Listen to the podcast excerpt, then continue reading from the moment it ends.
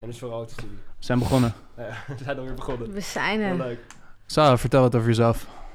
Ik, eh, ik ben Sarah, ik ben 18. Mhm. Ik kom uit, ik ben half Marokkaans, half Egyptisch. Ik woon in Amsterdam. En eh, ja, over mijn studie of zo. Wat, eh. je, je doet opleiding Engels docent. ja, Engels docent. Dat, dat is ehm, Aan de Hogeschool van Amsterdam. Ja, HBO. ja, HBO, Precies. AVA. Ze zeggen dat het de slechtste, slechtste school van Nederland is. Maar Zeggen ze dat serieus? ja, echt waar. Ze, op- Hoezo dan? Ik weet het niet. Ik vind het best wel een goede school hoor. Maar als je op die lijst of zo kijkt, dan staat de HVA echt onderaan bijna. Maar je hebt het tot nu toe niet zo ervaren. Gewoon eh, Mm, Nee, mijn studie is echt heel chill. Docenten mag ik allemaal. cijfers ook steady. Steady. Maar ik ben goed in Engels. Bij Maar mij... eh, hoe, zou het, hoe zou het dan komen dat het zo laag... eh, Ja, ik, ik weet het niet. Misschien kan dat aan docenten liggen of zo, die daar ooit slecht les hebben gegeven. Misschien is hun materiaal, studiemateriaal niet het beste. Maar... Hey, maar jij bent gevraagd om naar Oxford te gaan. Ja, man. Maar we weten niet of we dat gaan doen. Maar wat, wat doe je daar dan? Als je gevraagd wordt, hoe word je gevraagd ten eerste en wat, wat doe je daar dan? Ik, eh, mijn, alles wat ik inleverde, leverde ik altijd op tijd in. Als een van de beste gaven ze ook altijd. In de lessen sprak ik echt, gaf ik advies ook aan andere leerlingen. Ik was gewoon heel present in de classroom. Ja, want wat, hoe, hoe meten ze die shit? Ja, gewoon ze kijken naar je schoolwerk. En ik heb een hele hand-on mentor. Mijn mentor die is heel erg in het leven van Niet letterlijk, studenten. hoop ik. Nee, nee. nee, ik mag hopen van niet, nee. nee, maar hij kijkt heel erg naar zijn leerlingen in hun verleden. Dus hij had bij mij gekeken wat ik allemaal had gedaan. Ik heb in de tweede klas heb ik mijn 5 HAVO gehaald. Cambridge gedaan in de derde klas. En Ja, ja. al dat soort dingen. Je hebt in de tweede al je vijf HAVO Engels Ja. Ziek, man. Met een 6 die- destijds. Maar dat was niet... eh, Dat boeit niet. Als je in de tweede zit, is een zes gewoon een elf, wat mij betreft. maar ik heb het nog een keer gedaan. Hoor. Ik heb het in de vierde klas. Heb ik het weer gedaan, want ik was gewoon echt niet blij met die zes. En bij hun maakt het ook niet uit in welke klas je het hebt gedaan. Ze zien gewoon die zes staan en dan denken ze, oh, je bent niet zo goed in Engels. Ja, maar Ja. Waar, waar, waar meten ze een beetje bij? Zeg maar de energie die je overbrengt naar de klas en dat soort... Ja, ook. En we moeten veel presentaties geven en zo. Je, gewoon echt, want ze willen weten hoe je in een, voor een klas gaat staan. Mhm. Dus dan zien ze ook, maar ik heb accentloos praat ik. Ik heb ook bij mijn HAVO-examen had ik een 9 gehaald. Een 9,5 zo gehaald. Voor mijn accent gewoon spreekbeurten, spontaan voor de klas. Dat is heel belangrijk voor hun. Ze Ja. vinden het ook leuk als je spontaan bent en veel meepraat in de lessen. Maar hoe, hoe word je dan benaderd door Oxford? Dan... Mijn eh, mentor die kwam naar me toe en hij zei van die honorary program. Mhm. En hij zei van, eh, wij zien jou daar echt gewoon de best you zijn. En we willen je dat gewoon aanbieden. ja. Dus niet alleen door je cijfers, maar ook een beetje Ja. doordat je in de klas heel eh, Door gewoon interactie met Ja. docenten, leerlingen, alles. Maar iedereen heeft die keuze om dat te doen. Mm, je, ja, Je moet wel kan, een soort van speciaal Je zijn. kan je aanmelden voor de honorary program, Ja. maar ik ben ervoor gevraagd. En. Dat is wel heel goed teken. Dat is wel een compliment, toch? dat, is, ja. dat was wel een groot compliment inderdaad. Ja. Dat was wel, kwam wel goed aan. goed voor je ego is dat. Maar dan zit je daar, weet je ongeveer wat je doet? Want ik neem aan dat je er verdiept hebt. Ja, je gaat... Want je, je weet nog niet of je er naartoe wilt. Nee, ik weet het nog niet. Maar mij is dus... Mijn mentor heeft mij gezegd van... Hij kan voor mij een baan regelen bij Oxford.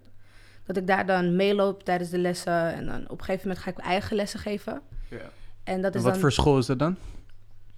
Gewoon... Ja, Oxford is gewoon wat wij in Nederland hebben... maar dan twintig keer sterker. Gewoon alles moet je weten. Beetje posh ook? We hebben a little bit posh. Het is een beetje posh allemaal.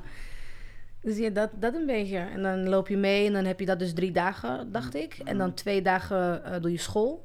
En dan heb je gewoon je weekend voor jezelf. Lekker in Engeland, En wat, wat houdt jij Ja. tegen om daar naartoe te gaan? Ja, ja, familie man. Ik, eh, ik ben echt een familiemens. Ja. Ik hou echt mijn familie, een hele goede relatie met iedereen. Mijn zus is mijn beste vriendin. Dus voor mij is het een beetje moeilijk om dan, eh, om dan weg te gaan van iedereen. Want het zou, het zou ongeveer een half jaar zijn als je er naartoe gaat. Een jaar. Een jaar. Een heel jaar, ja. Oké. En daar dan studeren een heel jaar, werken een heel jaar. En met Oxford is het gewoon heel... Ja, is, je hebt prioriteiten. Dus ik kan niet zomaar, stel je voor er gebeurt iets verjaardag... ik kan niet even terug gaan vliegen, want ik heb gewoon een baan op dat moment. Ja, Dus ja. dat is voor mij gewoon belangrijk. Ik begrijp wel dat die heavy is, maar weet je, eh, een jaar, weet je, en dan ben je ook Ja. weer terug. Je bent terug, en dan kan iedereen weer zien. Ja, bijvoorbeeld, bijvoorbeeld Ramadan is belangrijk voor jou. Ramadan is een hele maand. En bij ons Ramadan is heel belangrijk. Mhm. Je bent de hele dag ben je gewoon aan het bidden. Het is een hele spirituele maand voor ons. Ja. En dan zijn we ook het closed met onze familie. Want je zit allemaal rond één tafel met superveel eten. Heel je familie erbij. En het is gewoon echt een maand die gaat om het gevoel wat je ervan krijgt. En dan zit ik daar een maand in mijn eentje in een Ja, ja. appartement in Engeland. Maar er is niet een manier voor jou om in Londen, zeg maar, of in Oxford, sorry, om daar dan een beetje te compenseren door gewoon veel te facetimen met je fam of zo. En dat je, want je, je moet er zo over nadenken. Je zit er één jaar, Ja. daar maak je alles mee, daar leer je alles. Mhm. En dan kom je terug, kun je weer precies doen wat je zelf wil. En sterker nog, ik ken jou al langer dan vandaag. Ja. Ehm, ik denk dat jij er misschien wel wil blijven in die, in, in, in die situatie. Stiekem. Stiekem wil, wil ik ook wel gewoon gaan. Het is niet dat ik niet wil gaan. Het zijn gewoon bepaalde dingen die je dan tegenhouden. En ja, FaceTime. FaceTime is heel anders. Jouw vriendin zelf, die is bij ons thuis geweest tijdens Ramadan. Mhm. En zij heeft gewoon onze sfeer meegemaakt. En je hebt ook iets bij om, op een bepaald tijdstip in de nacht moet je stoppen met eten. En daarvoor eten we allemaal met elkaar. Dus dan iedereen zit en iedereen is gezellig aan het praten. Niet, niet En- een beetje ook waarschijnlijk. Nee, niet een beetje. Gewoon de hele tafel zit vol tot fruit, vlees. Om drie uur s'nachts eten. Gewoon voor alles. Ja. En dat gevoel, het is zo gezellig. Je maakt, het is één keer in het jaar, één maand in het jaar. Je maakt het echt niet mee. Nee, en ik voor, snap- ik zeg ook voor iedere Nederlandse of mensen die niet gelovig zijn, hoop ik gewoon dat ze het mee kunnen maken. Want het is echt een geweldige maand. Ja, ik Denk je niet dat- dat je gelovig moet zijn voor die... eh, Mm, niet, voor het, niet voor het gevoel wat je ervan kan krijgen. Wij, Nee. krij- wij krijgen er zelf rust van. mhm. Want wij weten voor wat we het doen, voor onze Allah en gewoon voor wat wij in het doen. Maar die gezelligheid is ook een hele andere vibe. Er is een soort van, een soort van next level broederschap dan, hè? En dat vind ik sowieso mooi met... Ik weet niet of we heel algemeen kunnen lullen nu, maar dat vind ik sowieso mooi met geloof en shit. Ja, Het heeft allemaal zijn minpunten, vind ik. Daar kan ik eerlijk over zijn, maar ja. ehm, dat die broederschap die je op dat moment ervaart, dat is wel een next level. Klopt. En ik denk als je kijkt naar ook gewoon geschiedenis op zich, weet je wel, oorlogen en dat soort dingen. Alles. Is altijd die, die, dat geloof dat mensen dan zo bond dat ze al die shit winnen. Ja, nee, voor ons islam is echt broederschap noemen we ook. En gewoon ook als ik jou niet ken of zo en jij bent een Marokkaanse man, zegt hij ook tegen mij zuster. Wij, wij, wij noemen elkaar zuster of broeder in de islam. Dat Mhm. is hoe wij elkaar aanspreken, want we zijn gewoon één groot broederschap eigenlijk. Ja. Broederschap. Maar als ik, als ik nog even terug kan komen op een jaar wel of niet naar Oxford. Want ik heb zelf ook een, drie maanden in Engeland, was iets kort, korter dan, maar in Bristol gezeten. Ja. Dus dan Zuidwest-Engeland. En ik had ook wel een beetje hetzelfde gevoel dat ik aan het einde van die drie maanden wel weer blij was dat ik weer terug naar huis kon. ja. Dat je toch wel heel erg je familie mist. Maar aan de andere kant denk ik achteraf gezien dat ik niet had willen missen. Omdat je wel heel veel Mm. nieuwe ervaringen en heel veel nieuwe mensen ook leert kennen. Dus ik denk naast ook de studie dat het best wel gewoon... ja, klopt. Zeker als je als, nog best wel jong bent, is het best wel een goede stap voor je gewoon. Je hebt best wel Ja. eh, die ervaring. eh, Ja, klopt. ben Ja, die rijker. dat is ook waar hoor. Ik, het is ook een hele leuke, het is een hele leuke ervaring. Maar drie maanden, zou jij langer, zou je langer kunnen blijven? denk- je? Ehm, nou, ik moet zeggen... Niet zonder, niet zonder alcohol waarschijnlijk Nee. daar in ja, nee, ik dat drink sowieso niet, daar niet, nee. niet van. maar- Nee, maar ik zei wel, nou ja, als ik, als ik een, eh, ik had maar een, een programma voor drie maanden, dus dat kon eigenlijk niet. Maar als ik zeg maar voor een jaar, eh, zeker als ik naar Oxford University zou kunnen, dan zou ik dat zeker wel gewoon een jaar Ja? willen doen, ja. Als ik Ik dat zou kunnen, hè. Ik vind een jaar echt heel lang. Het is wel lang, ja. Ja. Nee, zeker. Deze, En nou, zeker als je, zoals je inderdaad al zei, van je kan niet makkelijk terug, want je bent de hele tijd daar dan bezig. Ja. Het is niet dat je vakantie hebt of zo, je bent Nee. gewoon bezig, dus dan lukt het niet. Wat zegt jouw familie als je daarover vraagt? Zijn ze een beetje enthousiast? Mijn zussen, die vinden dit echt de beste opportunity ever. Die vinden het echt geweldig. Keer Ik dat snap het wel, ja. Want Mijn, mijn broer die gaat, is, studeert dus ook aan Oxford en dan word je wel als, als broer of als zusje Ja, ben je ook wel heel enthousiast. Trots, Ja, ja. je wordt Heel trots, op elkaar precies, ben je. Dus die vonden het echt heel leuk. En al mijn vrienden om me heen, mijn nichten, mijn neven. Ik heb een hele goede relatie met al mijn nichten en mijn neven. En die vonden het allemaal geweldig. Mijn moeder, ik zei tegen haar en toen begon ze te huilen. Want ze dacht dat ik al weg was. ze was me al aan het missen. En bij mijn vader, ja, ik heb een iets strengere vader. Die, eh, die dan zei van nee, je gaat niet. Maar voor studie of zo, hij zei nee op dat moment. Maar hij zou me echt wel laten. Ja. Dus, en mijn moeder heeft ook met hem gesproken. En hij zei, ja, ik ga er zo missen. En dit en dat en zo. Maar ze, ze accepteren het wel. Dus het is echt aan mij om te gaan of niet te gaan. Ja, ja. Want je leert, wel, je leert wel van de beste in dat geval. Ja, Ik weet niet, want zeg maar, wat jou betreft is het in de toekomst al wat ingewikkelder. Van wat wil je precies met je werk doen en zeg maar, weet je wel, van Ja. hoe ver wil je gaan in je loopbaan en hoe Mhm. ver, ver wil je gaan qua huwelijk en Ja, dat ja, ja. soort net iets ingewikkeldere dingen. Ja, We kunnen er nog wel even over hebben, maar uiteindelijk, als jij zeg maar, tenminste, weet je, ik zou sowieso, je leert een jaar van de beste docenten en, en, en meer rauwer Engels kan je niet krijgen. dat is waar. Weet je, je leert het mooi spreken. Je hebt, je hebt sowieso mensen. Je bent ook sowieso niet de enige. Mhm. Enige moslim of enige Nederlander daar. je hebt sowieso fucking veel mensen. Ja, nee, maar, ja, het gaat niet echt om enige moslim daar. Of, het gaat maar gewoon een beetje om... Dan zit ik daar zo een jaar lang en ik ben heel vrienden en familie georiënteerd. Dus ik ben met vrienden of ik ben met familie. Ik ben nooit alleen. Wij thuis zelf, mijn moeder, we hebben vier kinderen, dus we waren met z'n zessen thuis. Ik ben gewoon een heel druk leven gewend. En dan kom ik daar en dan kom ik aan het einde van zo'n lange dag thuis. En dan meestal had ik dan mijn broertje in mijn oor die aan het schreeuwen, praten veel is. En dan kom ik daar en dan is het stil. Weet je, en zelf, ik ben heel druk ook. Ik, voor mezelf zeg ik, ik ben spontaan, Oh, hebben- praat veel. Dat hebben we nog niet gemerkt in, in, in de aanloop naar deze podcast. Nee, ik ben gewoon, ja, ik ben gewoon vrolijk constant.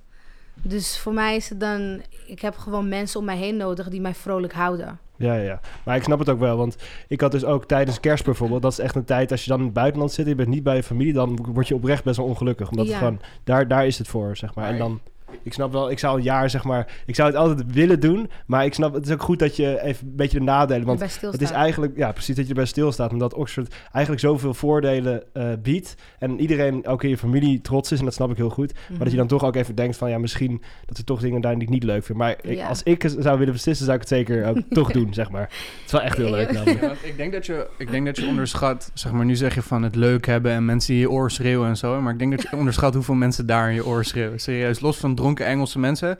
Ehm, ik denk oprecht dat je onderschat hoe leuk het daar kan zijn. Het is, het, het is zelfontplooiing zoals het hoort eigenlijk. Ja, Om en zo ik- naar zo'n plek te gaan. Het is wel ook echt groeien en zo. Dus uh, op mezelf wonen, ik zou het wel echt kunnen. Koken kan ik, schoonmaken, kleren wassen. Dat soort dingen, dat is niet mijn probleem.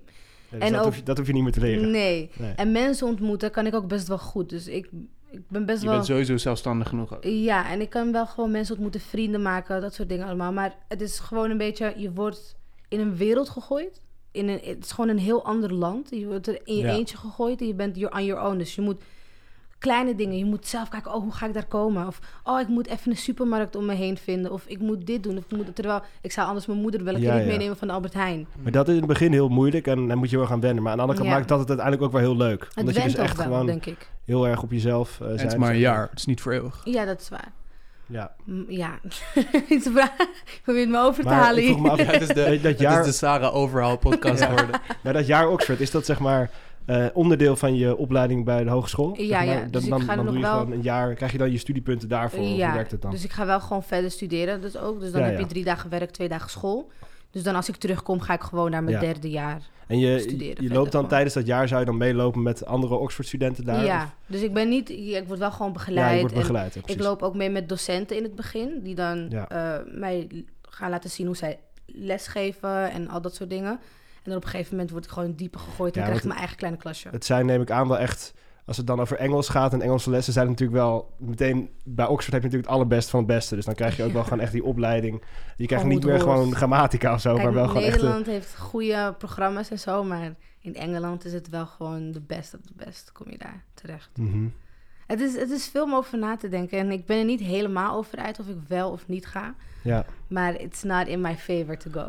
Ja, want toen wij binnenkwamen hier, toen jij hier binnenkwam, toen vroeg ik het al, een soort van, eigenlijk wil ik alles rauw voor de podcast houden, maar ik vroeg aan je van, joh, Hoe zit het ermee? ja precies. En jij zei eigenlijk van, gaat niet meer door. Ga niet meer door. Maar nu, nu, nu ik jou, met jou praat, dan lijkt het toch wel van, hmm, misschien moet je ik hebt, toch ik wel heb gaan. twijfels hoor. Mhm. Ik heb denk dat je meer met ons moet praten. Ja. Ik kom hier elke dag podcasten. ja, ik nodig je elke dag uit tot je nog gewoon op een vliegtuig naar Oxford zit. Gaan we ook in het vliegtuig podcasten. Ik ben nu onderweg naar Engeland. Maar, maar hoe zit het eigenlijk met de kosten? Want dat vroeg me ook nog af. Het Wordt het zeg maar... Eh, ja, ik krijg een appartement aangewezen dan. ja. En dan moet ik wel zelf Ja, huur nice, betalen. maar ik word eh, betaald voor me. Ik ga dus stage lopen bij Ja. Oxford. En dan word ik gewoon, het is een is betaalde fijn, stage. En eh, voor Nederlandse studenten, je hebt gewoon studiefinanciering. Mhm. En ik mag gewoon zelf, als ik daarna nog tijd zou hebben in het weekend werken, gewoon, je moet wel je eigen Ja, ja, appartement, ik. eigen Maar die, die boodschappen. studiefinanciering krijg je gewoon van de Nederlandse overheid voor die Oxford. Ja, Ja, precies. Ja, ja. Dat is echt heel dus fijn, Dat, is ja. wel, eh, dat, Ja. dat moet ook wel. Kijk, financieel is het niet echt een heel groot probleem. Het is voor mij gewoon.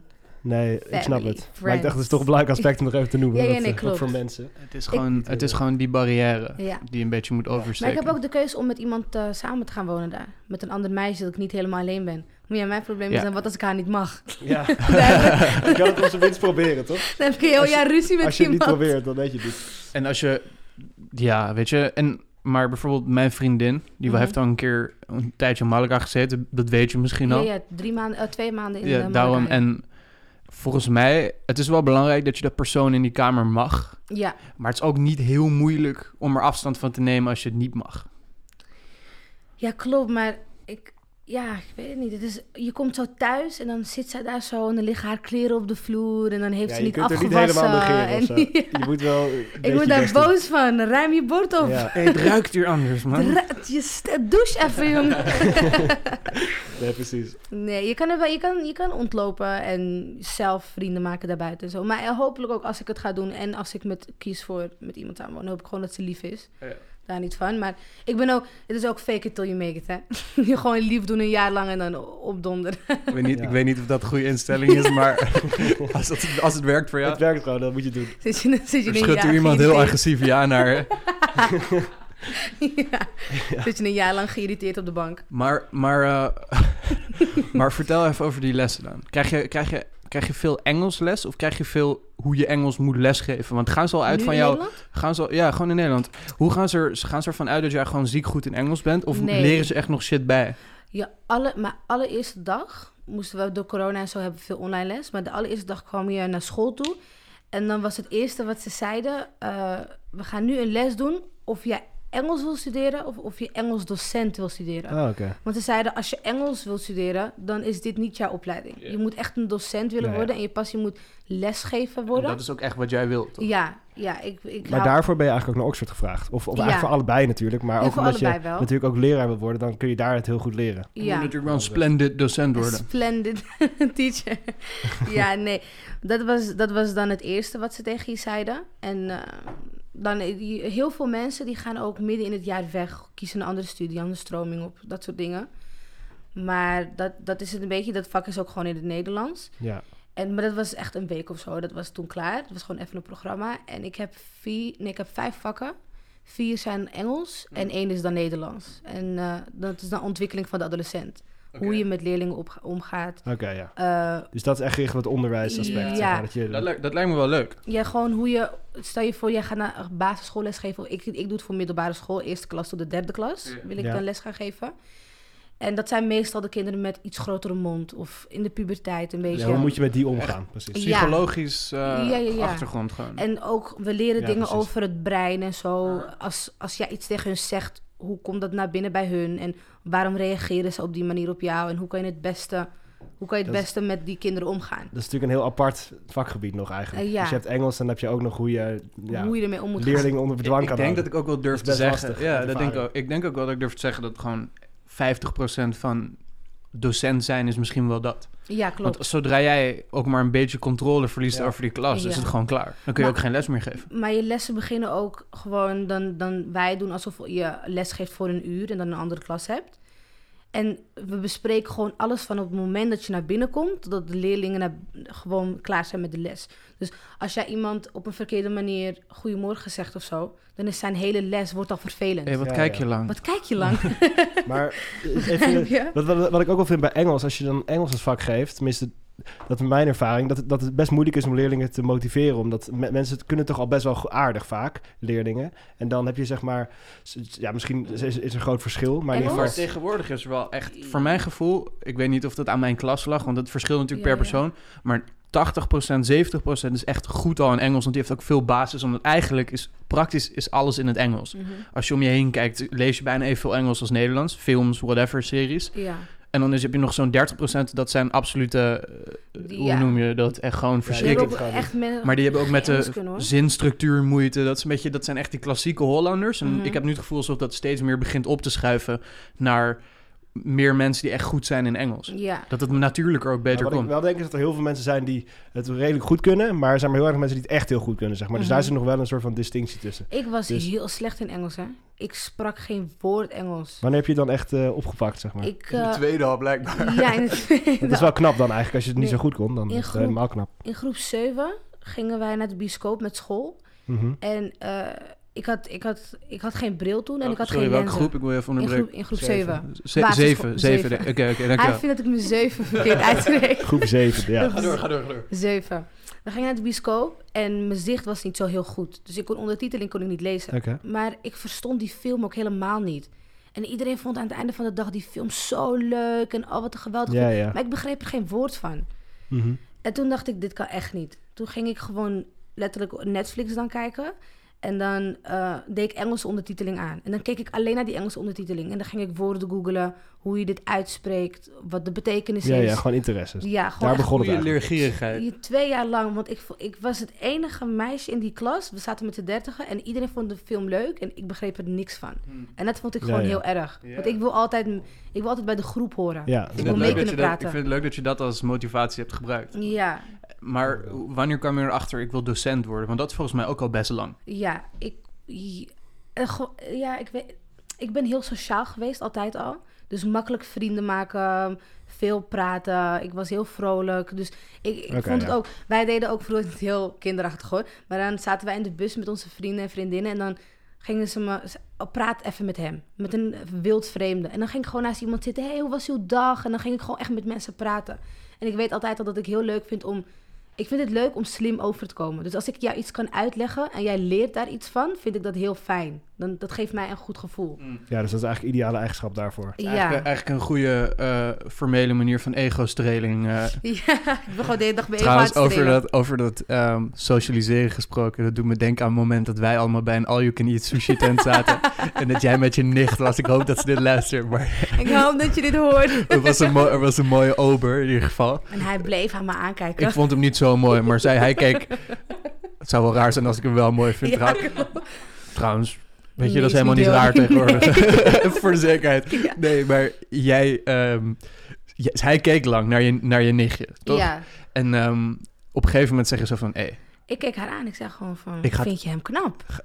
Ja, zeg eens even, want ja, jullie kunnen elkaar wel de hele dag aan gaan kijken, maar daar trouw je niet van, je, zag weet haar, je? ook- je zag haar ook net dat haar haar Aan haar Ja. En jij zegt zo... doen. Ik ga gewoon naar hem toe. Ja, ik liep, ja, En maar ik zie zo... Hij loopt heel snel als over. Dus ik zie hem voorbij ik lopen. kort, ik heb korte benen. En ik zie zo'n klein, kleine dwerg erachteraan rennen. Op een gegeven moment bij de eh, ingang van de keuken naar eh, de winkel toe eh, stop jij hem. En dan zeg je van, hé, hey, wat, waarom hallo." kijk je de hele tijd naar me neer? Nee, ik zei het niet zo. Wat zei je dan? Ik, hij is drie, die gast was twee meter of zo en ik ben 1,60 meter. Ik moet korte benen. Ik moest heel hard achter hem aan gaan lopen. 1 meter 63 is wel generous volgens mij, maar... En ja, met corona of zo, je wilt niemand aanraken. Ik zei, meneer, meneer, even- stop even, wacht even. je weet toch, ik wil hem niet aanraken met corona en zo. En toen zei hij, ja. Ik zei, nou, ik zie dit dat staren naar mijn nicht. Maar ja, daar trouw je niet van, weet je. Vind je haar, wil je haar nummer, wil je haar Snapchat? Zeg het maar. En toen zei hij, ja... Toen werd hij heel ongemakkelijk, begon hij een beetje te stotteren. Ja, uh, uh, uh, nee, toch? En toen zei ik van, heb je Ik Snapchat? stotteren als ik zo'n driftige... Zo'n meisje op je af zie lopen. Ga door, ga door. En toen zei ik, kijk, heb je, vind je haar leuk? Ja, ik vind haar een knappe dame. Toen zei ik, oké, geef je Snapchat aan me en I'll make sure it gets to her. Dan geef ik het gewoon aan haar. Toen zei ik heb geen Snapchat. Ik zei, nog beter, geef je nummer. Toen gaf hij zijn naam, zijn nummer, zijn leeftijd. Toen heb ik dat even heel, eh, heel netjes Voor doorgegeven. haar geregeld. Ja, precies. Ik, Ja. zei, ik zei ook al tegen mijn vriendin... eh, niemand hier in dit restaurant heeft zulke ballen zoals zij. Ja, ik weet niet, ik heb geen schaamte of Alleen met, alleen met dat soort ballen kun je van die opscheer Britse jongetjes even onder bedwang houden. Zijn we weer terug op Engeland. je, zet het mooi terug. Oxford jongens, heel moeilijk volgens mij. soort jongens. Nee, maar ehm, uiteindelijk was het niet echt succes met die jongen. Ik weet niet of deze interesse Nee, dat- die praten niet meer.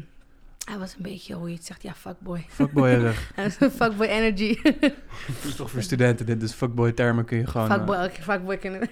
Ik vroeg nog wel af wanneer dan je echt precies wist dat je leraar wilde worden. Of was het al best wel snel? Want eh, Mm, Ik denk echt dat ik in de eerste klas zat. En dat ik toen al beter was in Engels dan de rest. Omdat ik als groep Mhm. 7, groep 8 echt mijn best aan het doen was. En in de eerste nog steeds mijn best aan het doen was. Dat ik dan al beter aan het worden was. En ik, wij hadden een hele leuke docent in de tweede klas. Gwen. Zij was gewoon heel raar. Maar zij was echt alsof ze mijn vriendin was. Zij was 50, maar ik kon gewoon in de pauzes ging ik met haar zitten praten. Ja, ik heb ja. altijd al van oudere mensen gehouden. Heel meegaand gewoon. Heel erg met, Ja. betrokken met de leerlingen. Ja, Ook heel hands-on, of niet? Ja, heel, heel hands-on. En, eh, en zij, dus wij, ook omdat mijn Engels goed was, sprak ik altijd Engels met haar. En toen zei Ja. ze tegen mij van, eh, wil jij een keer een Engelse les gaan geven? Voor groep 8. Oh ja, dat is leuk. Want we hebben ook, wij hebben gewoon basisschool en een middelbare school. Bij ons op school hadden we toen. En toen zei, vroeg zij mij, wil jij les gaan geven aan Echt hun? leuk dat je zo'n docent hebt die Ja, je echt was- helpt. die. Ja, ze, wou- ze, wou je ook, e- ze wou echt iedereen ook helpen. Dus als ze iemand zag met, die het heel slecht had, ging ze gewoon ook kranten geven, boeken geven. Oké, haal de moeilijke woorden hier. Gewoon, ze was echt hands-on. En ze ging ook bij iedereen mee op hun niveau. Dus dat was echt heel fijn. Ik vond haar echt de beste docent die ik ooit heb gehad. En dus door haar kwam het eigenlijk dat je zo... Ja. eh, dat, is wel, dat is wel heel fijn, zeg maar. Een le- een leraar kan je dus echt gewoon maken of je interesse echt gewoon breken eigenlijk. Als je, Het hangt er heel erg vanaf. echt, als je later succesvol wordt, als je naar Echt, daar de meeste... bij. Dat is Ja. 100% waar. Ja, echt, maar ook als je naar andere mensen kijkt die echt succesvol zijn geweest, dan vraag je of zij goede leraren, docenten hebben gehad. En dan is het meestal wel zo, want zij Ja. maken een beetje jouw leven. Zij, zij bouwen jou tot wat jij gaat worden later. Mhm. En ja, dus toen heb ik eh, die les gegeven. Toen heb ik, moest, mocht ik mijn eigen programma maken. Heb ik een PowerPoint gemaakt. Heb ik een toetsje voor hun gemaakt. En ze zei, doe het gewoon. Sta gewoon voor die klas en kijk gewoon wat je gaat zeggen tegen hun. En dat ging Ja, ja, dat is zo het vlot en zo makkelijk. En iedereen, was, iedereen vond het heel leuk om met mij te praten, vragen stellen. Ik kon alles Ze beantwoorden. namen het wel serieus. Dat je Ja. gewoon zomaar leerling voor de Dus klas stond, ja, ik was nog echt jong en ik zelf persoonlijk zou ik dan diegene niet heel serieus nemen. Zo ben ik dan. Nee. Maar ik werd echt serieus genomen en dat, dat vond ik zo leuk dat ik dacht van oké, dit wil ik vaker doen. En heb je nog, dat ik me afvroeg van... Soms nog moeite, ben je een beetje zenuwachtig als je lesgeeft? of Het gaat gewoon heel erg natuurlijk eigenlijk. Ik ben met, jij gaat Of niet geloven, presteren, zeg maar presenteren van jezelf, is dat dan met lastig? presenteren. eh, Ja, je kan het aan mijn klasgenoot vragen. Ik moest vroeger huilen voordat ik ging presenteren. Ik was zo zenuwachtig, gewoon. Het Lijkt ging mij zo de goede slecht. eigenschappen voor een docent. Ja, Ja, je, moet, je moet het leren Je natuurlijk. moet, je, moet het, je moet erachter komen. En ik was zo zenuwachtig. En dan, en dan stond ik daar en dan ging het veel beter. Dus ik was elke keer zenuwachtig voor niks.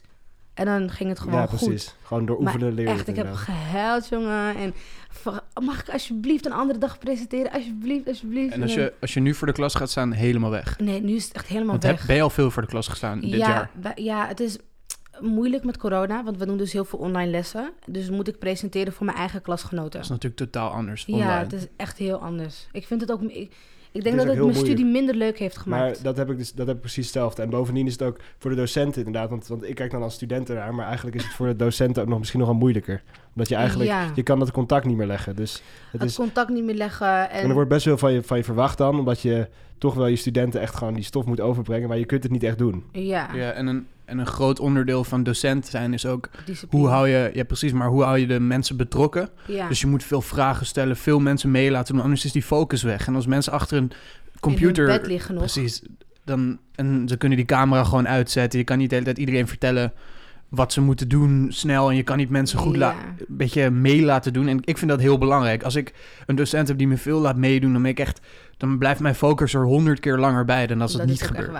En nu is het ook veel makkelijker. Sommige mensen, ja, dan moet je meestal, ja, laat je opdrachten zien en zo. Maar nu doe je gewoon alsof je microfoon het niet doet. Of dat je camera het ja. niet aan kan. Maar de interactie is ook zo... ik zelf ook de- wel een paar keer De interactie, is ook zo, de interactie is ook zo moeilijk geworden dat het niet echt meer... Je voelt niet echt meer alsof je in les zit of zo. Ja, je kan je het zo afschakelen. Je voelt die druk niet om je huiswerk te maken. Of Nee, om voorbereid naar de les te komen. Ja. En dat is heel moeilijk voor de docenten. Want zij hebben hun eigen programma en voor hun is het al anders. Dus dan als kinderen niet nog in bed liggen tijdens hun online les of dat soort dingen, is, het maakt het alleen maar Gewoon, ja, moeilijker. maar we, ja, we zitten nu natuurlijk in de coronatijd. We mogen hopen dat we het uiteindelijk achter ons laten. En dan kun je ja, natuurlijk ja. weer de klas in. Hopelijk wel, ja. Want dan, eh, dan is het weer een heel ander verhaal. Dat is ook Dus-. Zodra, zodra je in Oxford zit eigenlijk, kun je gewoon alles weer normaal doen. Ja, zijn we weer met. Oxford. Heel goed dat je dat, dat, je dat bruggetje weer maakt. Want dat- daar wilden we het wel over hebben nog. Het is vast niet de laatste keer. Nee, daar willen we nog wat ook. Florian gaat het blijven zeggen. Nee, ik, ik, ik dacht gewoon van... ehm het is natuurlijk leuk als je, als je al zo vroeg weet dat je leraar wilt worden. Maar leraar best wel... Je, je hoort leraar altijd zeggen dat ze vroeger eigenlijk helemaal geen leraar wilden worden. Maar dat ze dan opeens tijdens hun opleiding of zo worden. Maar als je het al op school, zeg maar op de middelbare school... of zelfs misschien wel eerder al weet, dan is het echt ideaal, zeg maar. Ja, dat is Dan- echt leuk wat Ja, we, doen. hebben, we hebben ook, tenminste als ik naar het onderwijs kijk in het algemeen... Natuurlijk, ik zie niet, niet alles. Mhm. Maar je ziet echt dat er een tekort is aan gemotiveerde docenten. Ja. De vorige school waar ik op zat... mhm. ehm, dan, dan was de wiskundedocent was weggegaan. Er was iets mee aan de hand, burn-out. Dat hoor je ook sowieso heel vaak. Veel burn-outs. Ten Ja. tweede ook te weinig betaald krijgen. Dat Ja, hoort erbij. Waarom ze zoveel burn-outs krijgen. Veel werk, te weinig betaald. Dat is waar. En dan hebben ze, is er geen wiskundedocent. En dan is het gewoon drie maanden lang... is het gewoon uitval, uitval, uitval. Tot ze een of andere gast die ooit een keer wiskunde heeft gegeven... weet je al, honderd jaar geleden. En denkt ze, ja, gebruik die maar, want we moeten ze lesgeven. ja. Dit is, voorbeeld is dit wiskunde, maar ik heb sowieso alsof het in onderwijs... Mhm. Onderwijs is er echt aan toe, aan gemotiveerde mensen. Ja, klopt. En ik denk ook dat als jij een hele goede docent hebt gehad en jij zelf een docent wil worden, dat jij gaat streven om net als die docent te worden. Dus ik heb met Gwen, was echt gewoon geweldig. Ik heb nog nooit zo'n docent meegemaakt en ik wil gewoon Shout-out net als naar haar. Shout-out naar Gwen. ja, echt shout-out naar Gwen, want zij was echt geweldig. Dus ik, ik, ik ga proberen om zelfs beter dan haar te worden, want ik heb gewoon van haar geleerd. Begrijp je?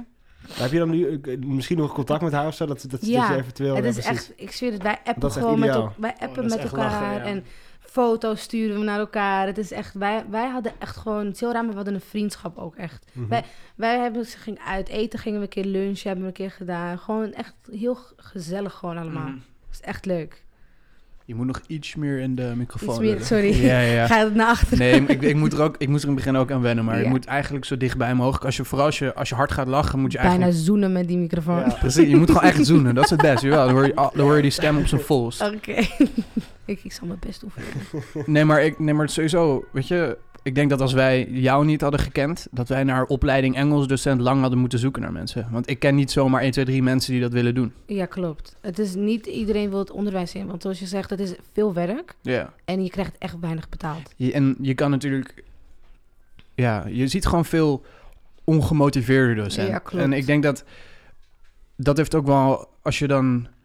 Als jij gemotiveerd bent, dan kom je al sneller in een soort van tak... waar je ook weer wat beter betaald krijgt... wat Ja. betere managing taken krijgt en zo. Dat merk je ook bij, bij onze school. Ja, ja, ja. Ehm dan heb je gewoon bijvoorbeeld Priska. Shout-out naar Priska. Shout-out naar Priska. Die ziek bedreven.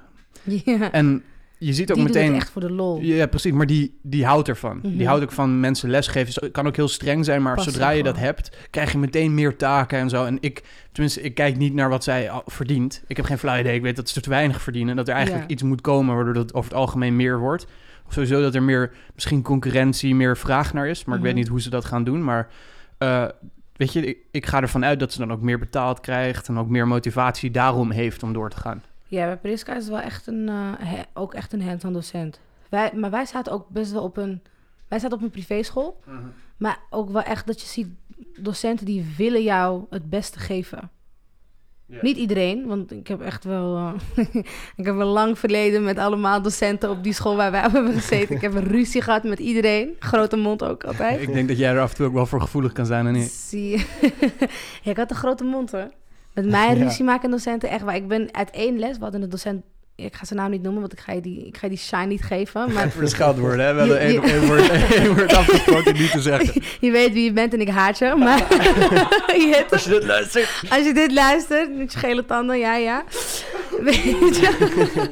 Nee, echt waar, ik haatte hem. En bij zijn les ook. Ik werd er drie maanden lang, ben ik elke dag eruit gestuurd. Elke dag. Totdat ik een gesprek met mijn moeder moest komen. En toen zag ik dat het probleem bij hem, bij hem zat gewoon. En dat hij leerlingen ook gewoon op een andere manier... Ja, want nu jij, zeg maar, nu jij weet, nu jij meer over het vak weet, nu kun jij ook veel beter beschrijven wat er misging op zo'n moment. Wat gaat er mis in zo'n relatie? Ervan uitgaan, of je nou moeilijk bent of niet. Iedereen is op een bepaalde manier te sparken. Als je er goed in bent, kun je het moeilijkste kind, kun jij een boek laten lezen. Ja, dat is waar. Dus wat denk jij dat er misging tussen jullie twee? T- tussen ons twee, ja, bij hem, bij ons zat het gewoon echt persoonlijk. Want ik, wij zaten op een school met, mm, ik wil wel zeggen, 95% Nederlandse kinderen. En dan had je 5% Marokkanen, Turken, maar jij, Aziaten, maar, jij, eh, dingen. maar in jouw woorden, je had de school een beetje gemarokaniseerd. Ik had, dat zei ik altijd. Ik had de school gemarokaniseerd, maar hij, eh, hij kwam niet mee met de mokro-vibe, weet je. En hij behandelde me gewoon echt anders. Maar anders dan de Nederlandse. Ja. Dus- maar Ja, het gevoel het op daaraan welke, lag. op welke Ja. manieren dan? Ja, gewoon uitspraken die hij deed. Dus dan was het, Oh, oké. dus dan was het als, er een, als er een Kevin of zo ging presenteren. Oh, dat heb je het goed gedaan. En als ik aan het presenteren was, ja, je hebt het goed gedaan. Maar ja, het kan wel beter hoor. Ja, precies. En, en gewoon, hij heeft één keer een Marokkaan grap gemaakt. En ik zelf, ik kon er echt niet om lachen. En Ligt eraan van wie het hoort ook. ja, ligt eraan van wie het hoort. Dus als, bij sommige mensen weet je gewoon... Dus Florian kan tegen mij alles zeggen wat hij wil. en ik weet dat hij het niet meent, omdat we gewoon al daarvoor een vriendschap hebben. Ja, precies. Maar bij sommige mensen heb je gewoon het gevoel dat ze menen wat ze zeggen. Dus dan eh, zit er gewoon een, een waarheid achter hun grap. En bij hem Ja. had ik dat heel erg. En ik kan daar niet tegen. Maar ik ben heel uitgesproken. Dus ik zeg daar ook echt wat van. Ik vraag me nog wel af van, want, want ik ken je niet heel goed, maar je komt wel heel gezellig en sociaal Ja. over. En het lijkt me heel leuk om jou als leraar te hebben, zeg maar. Maar ik vraag me af, kun je ook echt goed streng zijn in die zin ja, dat je gewoon... heel erg. Ik, heb, ik ben zelf, zijn we een beetje... Ja, ik ben half Marokkaans, half Egyptisch. Dus ik ben wel strenger opgevoed dan de meeste Nederlandse ja. kinderen gewoon. Dus ik heb wel gewoon dat je kan heel gezellig zijn, maar op sommige vlakken zijn het geen grappen. En sommige momenten moet je serieus zijn. Precies, En sommige daar, regels worden niet verbroken. daar behoud je ook wel die autoriteit mee. Ja. Als je zeg maar dan los, als je dan niet goed, kun je je hele jaar kun je zeg maar je klas eigenlijk kwijt zijn als het ware. Als je Ja, op bepaalde momenten niet even streng optreedt, zeg maar. Ja, maar ik streef er ook naar om een, om een gezellige, maar een strenge docent te Ja, zijn. ja. Dat, dat is De perfecte combo wat mij betreft. de perfecte combo, ja. Want je, gaat graag dan dingen tegen mij willen zeggen en mij in vertrouwen nemen. Maar je weet dat als je je huiswerk niet maakt, dat je, gaat na, dat je na Ja. moet gaan blijven. ik heb ook het gevoel, er zit vaak een dunne barrière tussen gezellig en respectloos. ja, Dus jij kan, wij hadden vroeger een godsdienstdocent, meneer Hilkman, topgast. Ik, shout-out naar jou. Echt een topgast. Respect naar meneer Hilkman, we zouden ooit nog een jointje doen samen. Misschien doen we dat ooit nog. Maar er is een bepaald punt dat je, zeg maar, iedereen vond hem geweldig. Maar iedereen vond hem geweldig op het punt dat van, yo, we zijn bij Hilkman, we kunnen gewoon een beetje chillen. En hij was zo van, ja, als jij, dit, als jij school serie- serieus neemt, dan doe je gewoon wat. Ja. En anders doe je niks. Maar ik denk dat het wel ten koste gaat. Voor sommige mensen niet. Ik denk, maar er waren ook wel een paar gasten waarvan je weet dat het ook iets meer in het karakter zit. Mhm. Die dan een beetje naar respectloos overslaan. Omdat hij dacht van, doe je moeilijk. Weet je, ik laat je gewoon in die hoek daar kutten. Ik stuur ook niemand eruit. Ja. Heel af en toe kon Ja, hij dan ja. ineens heel pist worden. Ehm, maar ja, er, is wel, het lijkt mij moeilijk om het verschil te maken tussen res- om respect af Ja. te dwingen en tegelijkertijd ook heel erg gezellig te kunnen Ik zijn. denk voor dat voor jonge leerlingen die dan van in de middelbare school dan van de eerste tot de derde, vierde klas zijn, dat als jij heel gezellig gaat doen, dan gaan, gaan die kinderen denken van ik kan alles bij jou maken. Ja, ja. En dan ook met huiswerk en dit en dat en zo niet maken en dan oh jij, Maar daarom, gaat me heb- toch niet na laten blijven. daarom hebben leraren misschien soms vaak wel dat ze liever gewoon gerespecteerd worden dan dat het gezellig is of zo. Ja, ja, daarom dat denk ik ligt misschien ja. ook wel een deel van het probleem, waardoor je niet echt gemotiveerd wordt als leerling. Klopt. Ik Denk ook dat, het, dat Maar- leraren daarom meer soms strenger willen zijn dan lieve docenten Ja, willen precies. zijn. Je ziet het ook vaak aan leraren als ze strenger willen zijn dan ze eigenlijk... dat ze niet goed in hun vel zijn. Ja, klopt. En dat is ook gevaarlijk, want dan ruiken leerlingen bloed. Echt waar. Dat is echt- Ik kan me ook gevaarlijk. herinneren, ik als moeilijke leerling, derde klas... Bij mij, je kent me, bij mij heeft dat niet heel lang geduurd dat ik moeilijk was. Ik ben over het algemeen wel netjes. Mhm. Ehm, alleen op een gegeven moment dan, als je iemand een beetje onstabiel ziet zijn... dan gaat, hem, Ja, gaat er gewoon een sneeuwbal rollen en dan ben je de lul. Dan lig je er binnen no time uit. Want je komt heel, ik denk dat bij jou het was dat je heel erg, ik, je kwam binnen en je ging gewoon echt je werk maken en dit en dat en zo. En dat je dan één keer niet je huiswerk hebt gemaakt. Toen vond de docent het goed en dan is het oké. dan ga ik de tweede keer ook het niet echt mijn Nou, beste voor ei- doen. Eigenlijk ben ik echt een lui flikker. dus ik deed het eigenlijk... Mijn, mijn hele school... Ik ben er ook niet trots op. Maar Mhm. mijn hele schoolcarrière is geweest... Ik doe helemaal niks. Mhm. Maar over het algemeen kom ik wel welbespraakt over. En Ja. ik, ik, zeg maar, ik verschuil me dan een beetje achter de mensen die echt moeilijk zijn. Dus die niks doen, combineren met ehm, ook moeilijk gedrag. Omdat je ook wat rustiger bent. Ik ben, ik ben rustig en ik ben tegen de docenten, voor zover ik weet, altijd Respectvol. respectvol, geweest. Ja. Dus dan kijken ze altijd een beetje overheen. En misschien is dat ook het probleem wel geweest. Dat als Ja. ik harder was aangepakt, misschien had ik dan harder gewerkt. Maar omdat ik gewoon respectvol was, de hele tijd Mhm. niet opviel en iedereen eruit werd gestuurd, behalve ik, terwijl ik geen flikker had gedaan. Ja, klopt. Maar ik denk dat, dat voor jou, ik, ik weet niet of dat echt een probleem gaat zijn, want jij bent best wel gedreven. Dus ook al omdat, omdat je, dan was je iets meer op de achtergrond en je viel niet echt op. Ik heb toch nog wel het gevoel dat jij echt iets wil gaan maken Je voor moet je die leven. microfoon meer opeten. Ik moet hem meer opeten. Ik ga elke keer naar achteren. Maar ja, ik weet niet. Voor jou, omdat wij kennen elkaar, wij zijn al vrienden hiervoor geweest. Ik denk voor jou dat jij gewoon echt aan je toekomst zelf wil werken. Dus voor jou heeft het niet heel veel nadelen gehad. Maar Ja, dat, dat is ook wel zo. Alleen aan de andere kant, om je zeg maar...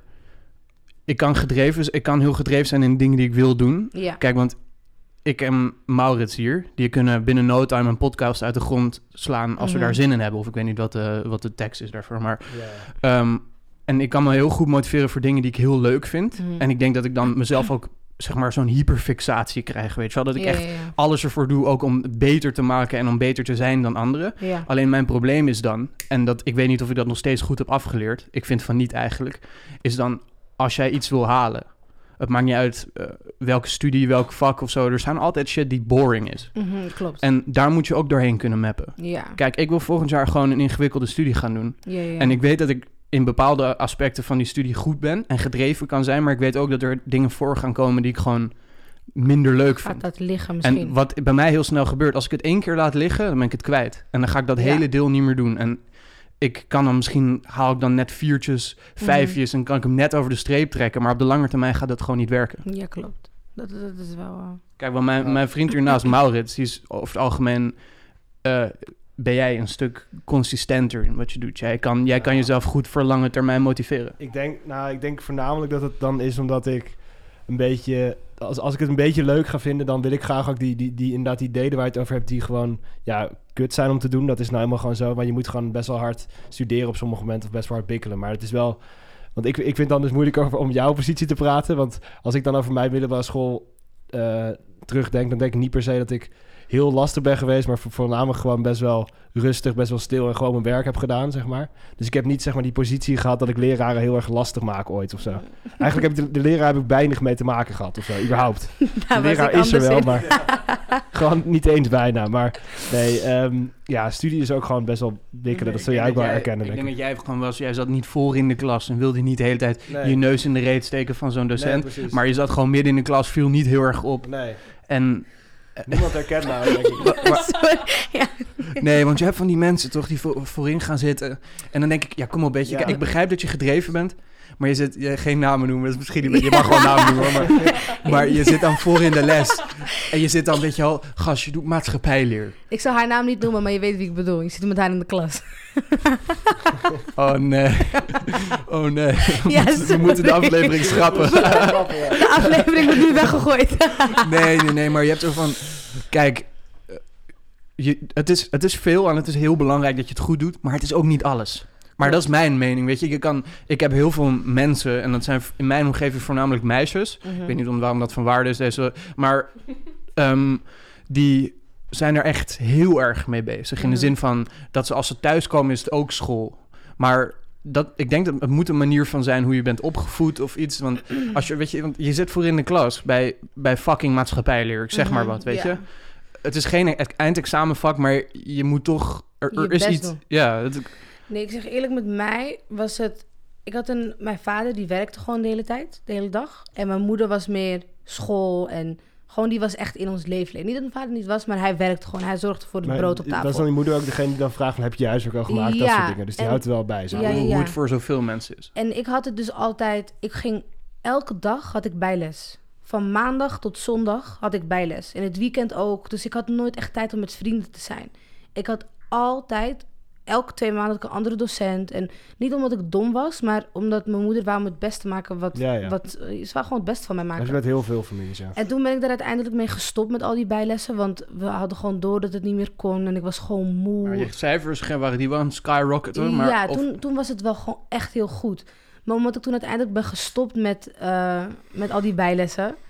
ging ik oude slacking. Want ik had het gevoel dat het niet meer zo belangrijk was. Ja, want ze ja. zei niet meer, je moet naar bijles gaan. Het houdt ik je kon ook gewoon thuis bezig. zitten. Ik kon met vrienden, ja. En, het bezig. is ook wel leuk als je zeg maar goede cijfers haalt, dat je dan weet dat je het kan, zeg maar. Dat geeft je echt een soort van rust. Want het is best vaak bijlessen, die, die, die, heb, die kun je wel hebben, maar dat betekent nog niet meteen dat je het ook goed doet, weet je wel. Ja, nee, maar dus die cijfers, die moet je zelf afdwingen. Al die bijlessen motiveerden mij heel erg. Want ik had geen Ja, vrije precies. tijd. Dus ik dacht van, als ik nu nog steeds een onvoldoende ga halen... heb ik geen vrije tijd gehad en een slecht en geen, rapport. precies, ja. Weet je, en geen... En geen Dus je hebt er heel veel opgeofferd en dan heb je ook gewoon... Ja. Als je dan veel voor opoffert en je hebt ook een heel goed cijfer... dan is dat echt wel een Klopt. dubbel soort van... Ik heb echt vanaf groep 5 tot misschien de derde klas elke dag bijles gehad. En dan de vakanties had ik examentrainingen en, of gewoon CITO-toetstrainingen, al dat soort dingen. Dus Heeft dat jou in de positieve zin, zeg maar, beïnvloed of in de negatieve zin? Want ik kan me voorstellen dat je als je dat doet, dat je dan al meteen de essentie en de, hoe belangrijk het is om dat te doen, dat je dat dan beter door hebt en dat je dan later beter dingen gaat doen, zeg maar. Ja. Maar het kan ook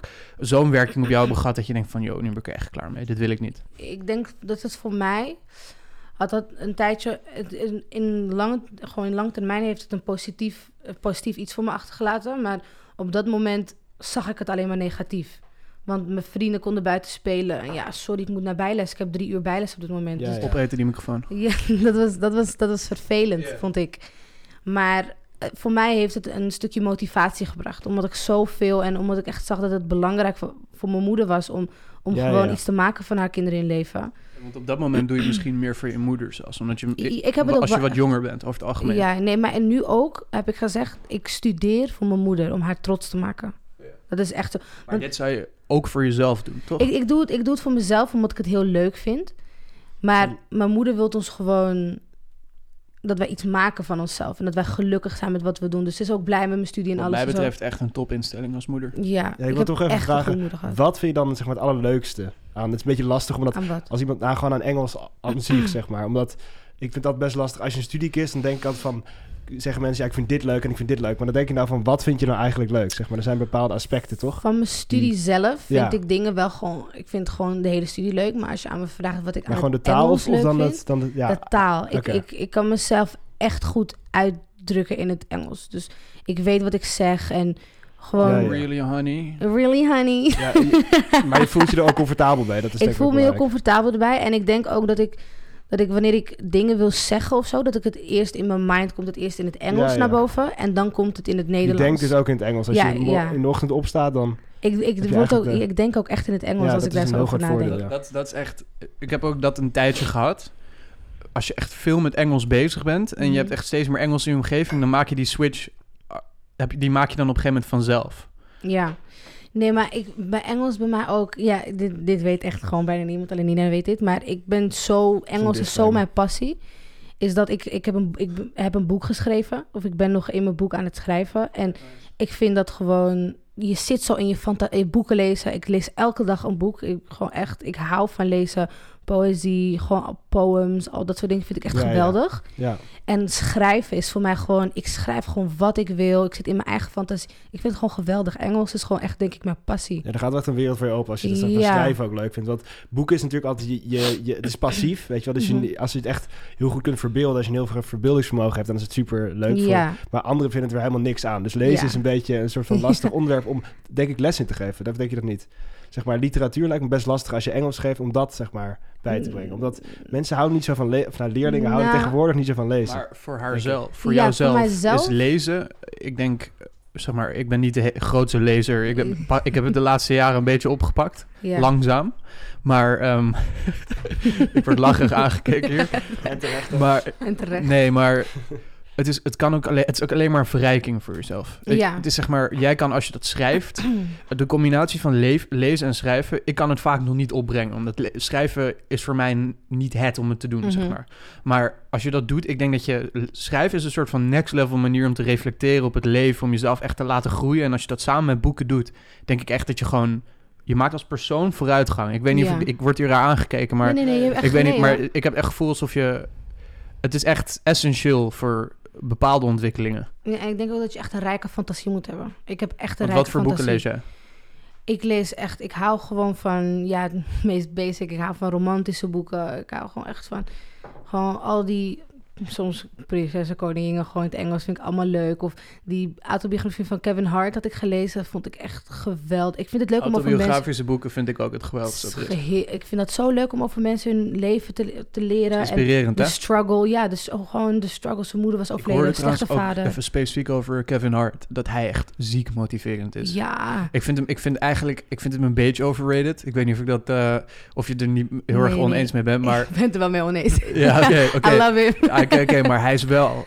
Ik heb interviews met hem gezien. Hij is Mhm. echt de hele tijd bezig met het motiveren van zichzelf en Ja. van anderen. En dat zijn de mensen die je in je leven Dat is- nodig hebt. Ik denk echt dat het ook zijn, zijn kracht is of zo. Dat is zijn superpower. Hoe, hoe hij mensen probeert te inspireren. Hij wordt om half vijf wakker, gaat hij trainen, gaat hij werken. Gewoon Ja, geld ja. maken voor zijn kinderen, Maar dat familie. bouw je ergens op. Ik denk dat hij dat ook zelf heeft opgebouwd door, door mensen zoals hij naar, hem, naar die mensen te luisteren. Ja, En op een gegeven moment dan bouw je zo'n ritme op, hou je dat vol en dan Klopt. gaat je leven er gewoon significant op vooruit. in zijn boek had hij geschreven dat zijn bron van motivatie zijn moeder was. Want hij had dus een deadbeat dad die er soms was, soms niet was, heel vaak niet was Dus daar eigenlijk. kon je Hoor je ide- identificeren. Ja, en hij, en hij was heel... Zijn moeder die zei, je gaat niet zoals... Je gaat niet... You're not gonna be a street boy. Je gaat iets maken voor je leven en ja, ja. je gaat naar school. En ze liet hem altijd dingen doen. Dat is wat mijn moeder deed met bijles. Liet ze hem zwemlessen, zodat hij geen vrije tijd had om slechte dingen te doen. ja. En dat motiveerde hem dus heel erg. En dat is denk ik ook mijn motivatie om te zien... Het heeft zo mooi voor hem uitgepakt. En ik wil niet beroemd worden, maar ik wil het beste zijn in wat ik wil doen. En dat is dan voor mij Engels docent worden. Ja, ja, en, en, die, en die, ehm, die drive komt dus ook deels door die bijlessen die je dus hebt gehad eigenlijk. Ja, dus, dus Want wat je ik denkt, zei... als je dat niet had gehad, denk je dat je dat niet eh, zo... Ja, dus wat ik zei, in, voor lange zijn. duur heeft het een positieve Ja. afdruk op mij gehouden. Maar op dat moment was het niet fijn. dat had hij ook in zijn boek gezegd, vond hij ook niet fijn, want hij wil ook vrije tijd hebben en Maar zo. het is ook vaak in het leven, als het wat breder bekijkt, van als je struggles doorgaat, als je zeg maar echt pijn hebt moeten lijden voor iets of echt heel erg veel moeite hebt moeten doen, dan is het uiteindelijk, als je er dan doorheen komt, is het echt zoveel eh, bevredigender. De zeg maar. satisfaction. Het is een beetje de diamanten metafoor dat Ja. ik gewoon fijn Ja. vind. Dat je onder die druk, dat je dan, weet je, die druk die je dan ondergaat, dat je daar eigenlijk alleen maar mooier van wordt. Je bent zo lang aan het graven en dan Ja. wil je gewoon je schat vinden. Precies, nou dat heb je dus gedaan. Ja, ja, nu. ja, eerlijk De schat is gevonden. Nu moet ik hem alleen nog open Even krijgen. En en Ik weet hoe je dat doet. Oxford. zo. Zijn we toch weer terug bij Oxford? weer. Ja, Ik had even last van mijn keel. Oxford calling, ja. Florian probeert mij al maandenlang over te halen. Ik hoop dat het gaat lukken. Je hebt er wel veel moeite voor gedaan. Ja, hij is- Laatst in de tuin van mijn vriendin. als, ja. Oh ja. Waar, was je even een peuk aan het roken, ging ik even naast je zitten, even reflecteren. Yo, je gaat naar Oxford. Je gaat naar Oxford. Hij is maandenlang al bezig met mij overhalen. Als ik ga, dan is het voor jou, Ja. Is het aan jou? Dat voelt heel goed. Ja. Heb jij je schat gevonden en Nee, gegraven? dat be- heb ik bijgedragen aan jouw persoonlijke ontwikkeling. dat is wel heel... Word jij een gelukkiger persoon? Jou, En ik daarom ook. dat, dat behoort dan tot mijn eh, verhaal later. Ik ben gegaan door Ja. Florian. En door hem heb Even ik dit en dit. Ja, ja. Shout-out naar Florian. Heel goed. Dat moet je dan ook echt doen, ja, precies. Ja, echt. Hé, maar wat, ik zit nu ineens na te denken. Dit is even off-topic hoor. Maar misschien moeten we even een kleine introductie doen. Eh, misschien heel random misschien. Ja, dat kan wel. Maar eh, zeg maar mensen, als je zo ver hebt geluisterd, dan verdien je het pas om te horen wie wij Ja. zijn. Ja. Oh. Daarom. Dit was een test. Dus ik Ben ehm, ik ben Florian Holochev. ik ben, weet je, nu, alleen de mensen die nu luisteren, die vinden het zeg maar dusdanig leuk dat die mogen horen dat ik twee keer ben blijven zitten op de middelbare school. ik ben nu bezig met mijn 6 VWO. Ja. Maurits hier naast me. Doe je het zelf waar? Ja, precies. nou, ik ben Maurits Jansen, zit nu tweedejaars rechten student ben ik. En ja, eh, voor, even denken, middelbare school in Amsterdam gehad. En eh, nu in Leiden studeer ik rechten. Dus eh tweedejaars. Dus je hebt je persoonlijke succesverhaal naast de persoonlijke zelfde jaarlaaggenoot die iets minder is gegaan op de middelbare school. Laat, Nou, dat, ja. laat dat een les zijn voor iedereen hier. Laat dat de les zijn. Ik bedoel, ik ben nog steeds hartstikke gelukkig. Daarom. En ik weet zeker dat het goed komt. Maar dat, als ik er nog iets over mag zeggen, denk ik ook van... Achteraf gezien is het nu natuurlijk ja, kut voor jou. Maar het is wel, zeg maar, ook een soort van les. En ik denk ook wel dat ehm, jij ook weer andere vlakken waar je beter bent dan ik. Meer op sociaal vlak en dergelijke, zeg maar. Dus het is niet per se alleen maar kommer en kwel, zeg maar. Maar het is gewoon jammer ja, dat je nu nog die jaren nog moet doen. Omdat je eigenlijk... Ik denk ook wel dat als je gewoon... Het voornamelijk is omdat je wat lui bent geweest dat je het niet hebt gehaald. En niet zozeer dat je niet kan. Dat is denk ik vooral het, het frustrerende als je nu achteraf op terugkijkt. Maar ik weet niet, moet je zelf even zeggen? Ik denk, ik denk dat je helemaal gelijk hebt. Ik denk dat in mijn leven hiervoor, eh, of tenminste toen ik jonger was, dat ik heb... Er is mij nooit wat in de weg gelegd. Ik heb niet echt voor dingen hoeven vechten in tegenstelling tot mijn zusje... die bijvoorbeeld in bepaalde mindere situaties heeft meegemaakt in haar leven... heeft die echt moeten knokken. En waar ik pas... Ik denk dat mijn besefmoment pas is gekomen... omdat ik, weet je wel, ik ben twee jaar blijven zitten. Weet je wel, dat is dan mijn eigen weg van mezelf realiseren... wat ik ervoor Mm. over moet hebben. Maar ik denk dat ik je zusje daarin ook wel voel. Ik heb niet een slechte jeugd gehad of zo, helemaal niet zelfs. Maar ik heb wel moeilijke tijden gehad. En, en dan je motivatie wordt... Dus ik zie, ik ken haar ook. Een heel heerlijk, heerlijk wijf is zij. Echt waar, ik hou van jou. Shout-out naar jou. Eet, Maar- eet je microfoon op. Eet je microfoon op. Maar eh, ja, door haar, haar drive is ook veel harder dan die van jou, denk ik. Zie ik dan. Omdat zij het gewoon iets lastiger heeft gehad en moet, moest strijden voor wat zij wou. En daar waar ze nu is. Dus ik denk, ik denk dat ik me daar bij haar wel echt eh, bij aansluit. Weet je, met bijlessen, dat soort dingen. En, en niet dat ik een moeilijk leven heb, maar je komt, ik heb wel een Marokkaanse moeder met hoofddoek. Dus soms word je raar aangekeken op straat. En je wilt gewoon, er is, een, er is er iets op Marokkanen. Ja, stil fietsen, doe dit. Het is gewoon een taboe op. En, en dan wil ik laten blijken van, nee, ik ben Marokkaans, Egyptisch. En ik ben, ik ben netjes en ik wil laten zien wat ik ook kan. Dat wij normaal zijn en dat we er ook bij horen. Begrijp je? Dus dat is Ja, een beetje waar Als ik ik me vraag, hoe, heb, hoe vaak je nu nog last van? Heb je er nu echt nog veel last van dat je Marokkaans Egyptisch bent? Het is mensen die, mensen die verwachten minder van je. Terwijl ik wil veel bereiken, maar Ja, ja. ze verwachten weinig. En, en dat merken wij ook wel. En er is gewoon iets op... Ja, jullie schelden met dit en dat. Of jullie zijn niet netjes. Of Je jullie wordt een beetje anders aangekeken, omdat je, Ja. je wordt dan een klein, klein beetje in de hoek gezet van je Ja. zal het wel niet kunnen of zo. Ja, allemaal, iedereen wordt door over één kam geschoren. En het is, Ja. het is, jij wil daar buiten Ik vallen. heb nog een random vraag. Ik heb twee vragen eigenlijk. Mhm. Zeg maar, heb jij het gevoel alsof dat... Een beetje dat vooroordeel van mensen... Heb jij het gevoel alsof dat vooruit gaat? Of dat beter wordt? Of dat dat minder wordt de laatste jaren? Want ik heb het gevoel van... Er komt steeds meer inmenging. Er is ste- steeds meer diversiteit. Als je het gewoon breed bekijkt. In bepaalde gebieden natuurlijk niet. Mhm. Ehm, ik ben natuurlijk hartje Zuid opgegroeid. Ja, ja. Maar het ligt ook hoe je bent opgegroeid. Want ik ben helemaal met open ideeën van respect voor iedereen. Mhm. Ehm, maar nu met, zeg maar, even om dit bijvoorbeeld even aan te haken met politiek, weet je, met al die populistische partijen en er steeds meer stemmen roepen dat eigenlijk gewoon iedereen het land uit moet dat niet Nederlands is. ja. Als je het heel eh, bot zegt. Weet je, heb jij het gevoel alsof, dat vooruit gaat? Ik heb het gevoel dat sinds Amerika bezig is geweest met Black Lives Matter, dat wij onze eigen stem ook om. Wij praten nu ook harder. Wij willen er ook bij horen. En je toch? Wij, wij, our lives also matter. Je toch? Voor, want, want Black Lives Matter heb je dan in Amerika, maar de zwarte mensen van Amerika zijn dan de Marokkaanse mensen in Nederland. Dat is, dat is hoe dat een beetje is. Ja, ja, dus het heeft een soort van in gang gezet. Want ik denk in Ja. het verlengde daarvan ook wel dat ehm, als je zeg maar zo'n soort van tweesplitsing wil maken, dat is natuurlijk heel kwalijk. Maar ik denk ook vooral dat het doet het ook totaal geen recht aan gewoon individuen en hoe mensen zeg maar Ja. zijn, weet je wel. Want dus, natuurlijk zijn er bepaalde hele problematische types, maar dat heeft niks te maken met Marokkaan zijn aan zich, zeg maar. Ja, als nationaliteit. Ja, want over problematische types gesproken. Ik heb ook wel het gevoel alsof 90% van jullie, denk Mhm. ik, wil echt laten zien mhm. Want je, je moet eigenlijk... je- ik begrijp dat veel mensen de drive hebben om te laten zien aan Nederland dat jullie het waard zijn. toch? ja, Of een soort van. ja. Alleen ik heb vaak het gevoel alsof die kleine 10% het vaak voor jullie verneukt. In de zin van, hetzelfde geldt voor Black Lives Matter. Er is zo'n groepje dat dan bijvoorbeeld gaat... gaat eh, hoe noem je dat? Ehm, rellen. rellen en- ja. En dat heb je hier in Nederland ook. Gewoon, je hebt een soort van beweging waar in de zin van... kom op, eh, wij zijn er ook. Mhm. En dan heb je er 10% daarvan, of misschien wel minder, 2% daarvan Ja. die gewoon meteen de criminele gang en de Ja. ehm, Ja, ja. En gewoon de die meteen weet je wel meteen moet rail schoppen en meteen een beetje alles uit balans moet brengen. Ja, ik begrijp wat je bedoelt. Bij ons is het ook, wat ik dan, wat ik dan zie, is dat dan de jongens, Marokkaanse jongens, worden dan heel erg op neergekeken en zo. Terwijl ik heb heel veel neven die gewoon heel, die dan niet aangenomen worden voor bepaalde banen. Dan veel Ja, meer ja. moeten solliciteren. En mijn zus is wel een keer niet aangenomen omdat ze hoofddoek draagt. Gewoon, gewoon zulke dingen, weet je.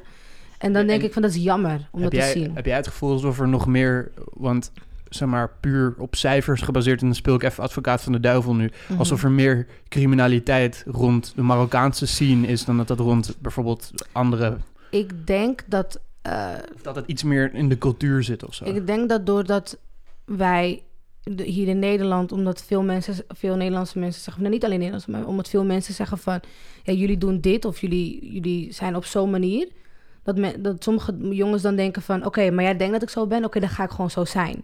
En dat dat percentage, dat die het gewoon een beetje verpesten voor de, Ja, voor de mensen die wel dat er is iets ook voor vaak willen wat maken. belicht wordt. Dat is Ja. sowieso nu het probleem met Facebook, Twitter en dat soort Mhm. dingen. Wat zie jij? Alleen de extreme 1%. Want zulke jongens ken ik ook gewoon die dan denken, ja, ze denken dit toch al van mij, ja, dan ga ik het doen ook. Weet je, en, en ik denk ook dat het een beetje is, het is moeilijker voor een Marokkaanse jongen om aangenomen te worden dan voor een Nederlandse jongen, bij wijze van. Absoluut. En dat die dan Ja. denken, oké, maar ja, ik moet, I have to provide for my family. En dan gaan ze, gaan ze dat op andere dingen doen, drugs, stelen, Ja, dan worden plofkraken, dat soort Ze worden dingen. eigenlijk al, zeg maar maatschappelijk tegengewerkt. En daardoor wordt hun, hun zeg maar, val naar of, eh, criminaliteit veel, ja. veel meer gefaciliteerd. Want dan kunnen ze zeg maar, Ja. omdat ze sowieso gewoon eigenlijk al achter staan. Mhm. Dus dus, ja, brengt ze zichzelf misschien Eigenlijk wel achter. logisch, want als stel, stel Nederlanders zouden op diezelfde manier slecht behandeld worden, dan zouden die ook meer in de criminaliteit gaan. Ja. Zeg maar. Dus het, heeft, het is natuurlijk heel zwart en wit wat we nu doen met Nederlanders. Ja, ja, ja, Marokkanen klopt, klopt. Over één kant, maar het is je- wel zo. Als je even Ja. een simpel metafoor erbij pakt. Als jij mensen in een kooi stopt, dan gaan ze dan die kooi trekken en duwen. Ja, ik ga die deur open proberen te krijgen. Ja, dat is eigenlijk heel kort gezegd, ja. Ja. ja. Maar heb jij dus, zeg maar... Ik, ik weet niet of je hier al concreet op antwoordt of ik het gewoon gemist heb, maar... Heb je het gevoel dat dat vooruit of achteruit gaat? Dat het minder of meer wordt? Ja, nee, dus wat ik net zei over... Meer of minder? Meer of minder. Geert Wilders is mijn grote vriend. Jij groot fan ben je, kan ik me ja, voorstellen. ik hou van hem. Flikker. Maar ga door. Nee. Kijk uit, hè, niet het andere woord. niet- We hebben één woord afgesproken wat ik niet mag zeggen. nee, ik, dus wat ik net zei over... Ik, ik merk dat door die Black Lives Matter... wat er heel erg in de media is gekomen... en iedereen probeert nu daar een beetje mee bezig te zijn... accepteren dat wij, dat wij dat ook doen. Want je hebt ook... eh, gingen ze in opstand of zo eh, in eh, Rotterdam en in Utrecht... en zo kwam iedereen bij elkaar van... ging iedereen een hoofddoek dragen... en dat, dat is wel echt heel positief. Dus door hun denk ik van... door die, dus wat zij in Amerika doen... dat dat ons ook echt vooruit heeft gebracht. En onze Gewoon stem. Eigenlijk gewoon emancipatie. Ja, ja. Mhm. Sorry, ik ging mijn vingers knagen. Nee, ik- misschien vinden sommige mijn luisteraars dat lekker. Nee, nee, nee, nee. nee. ASMR. Er zitten een paar mensen meteen afhaken nu. Je wordt koud. Die na een uur lang wil je hebben. Als je het uur lang hebt volgehouden, mag je hier Ja. niet om afhaken. Nee, je moet blijven, Fik. Maar, ehm, ja, maar jij, op zich, jij bent nog wel jong, dus jij kan ook niet per se goed zeggen of jij dat vroeger in het verleden nou meer werd beoordeeld en meer vooroordelen waren dan nu. Nee, nee, ik heb het ook niet heel erg... Ik heb, ik heb het ik, om me heen heel erg gehad. Maar zelf heb ik er niet echt... Ja, door bepaalde docenten die ik dan... Dat, dat heb ik wel meegemaakt, dat, dat je anders werd behandeld.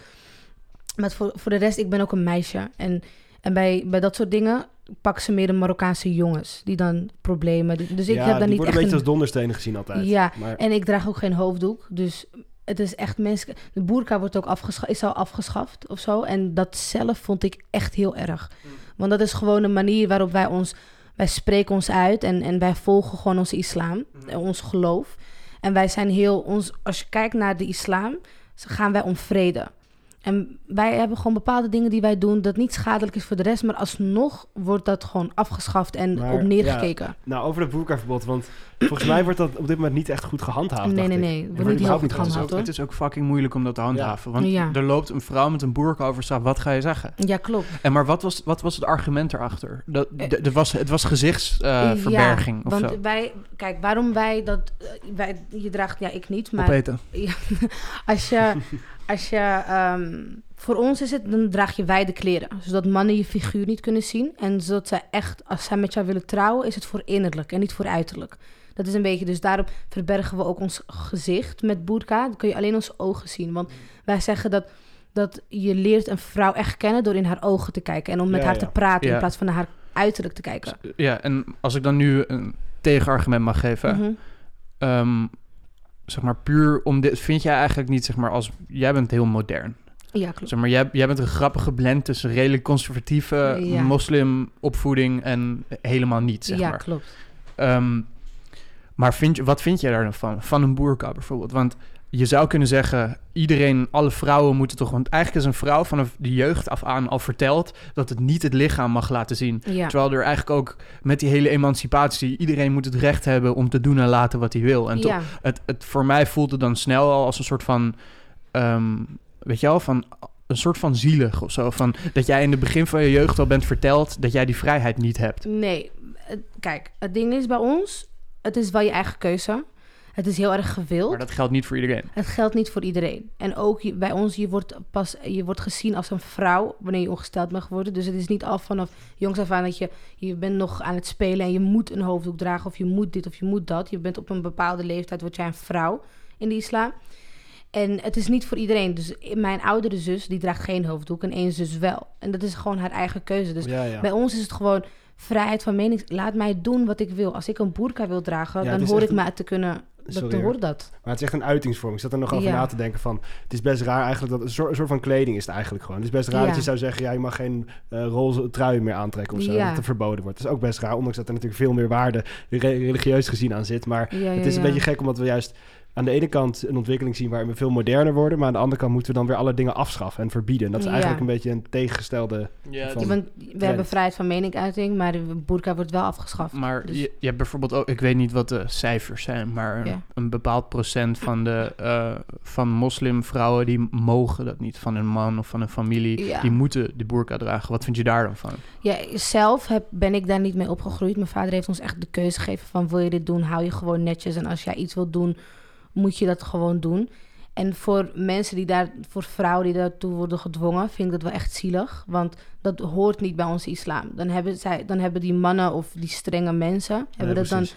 een een regeltje van, van de Koran gepakt, van ons heilig boek. En die hebben het dan tien keer zwaarder gemaakt. Ja, Ja. want het hele probleem vaak met heilige boeken Ja, is de interpretatie daarvan. ja klopt. Want je, je ja, kan, je, weet je, kijk, als je Gilder, Wilders, Geer- Gilders, dat je Wilders erbij pakt, ja. die interpreteert alles in het boek als vermoord iedereen. ja, klopt. Maar dat is echt, Dat is niet waar. nee, dat is onzin. En dat maakt mij ook dan ook een beetje boos. Nee, want er- kijk, dan haal je een bepaalde tekst uit context. Mhm. En dan zeg je, kijk wat hier staat. Dat staat er dan ook letterlijk. Maar het merendeel van de mensen, meer dan het merendeel van de mensen, interpreteert dat niet op die manier. Ja, klopt. En ook gewoon om te kijken naar ons heilig boek. Wij, gaan, wij zijn echt om vrede. Dus wij zeggen ook, wij hebben een, een stukje in de Koran. En ik, ik, ik kan het niet precies reciteren zoals hoe het hoort. Maar even van een vertaling is het, als jouw buurman een christelijk is, moet jij net zo vriendelijk naar hem lachen als de buurman die een moslim is. Dus wij, wij proberen iedereen net Ja, zo ja. te behandelen. En ze zeggen ook, lach naar je medemens op straat. En daar krijgen wij dan voor de Marokkanen of de moslims die dit horen, hasanets. Dat zijn de pluspunten die je dan hebt.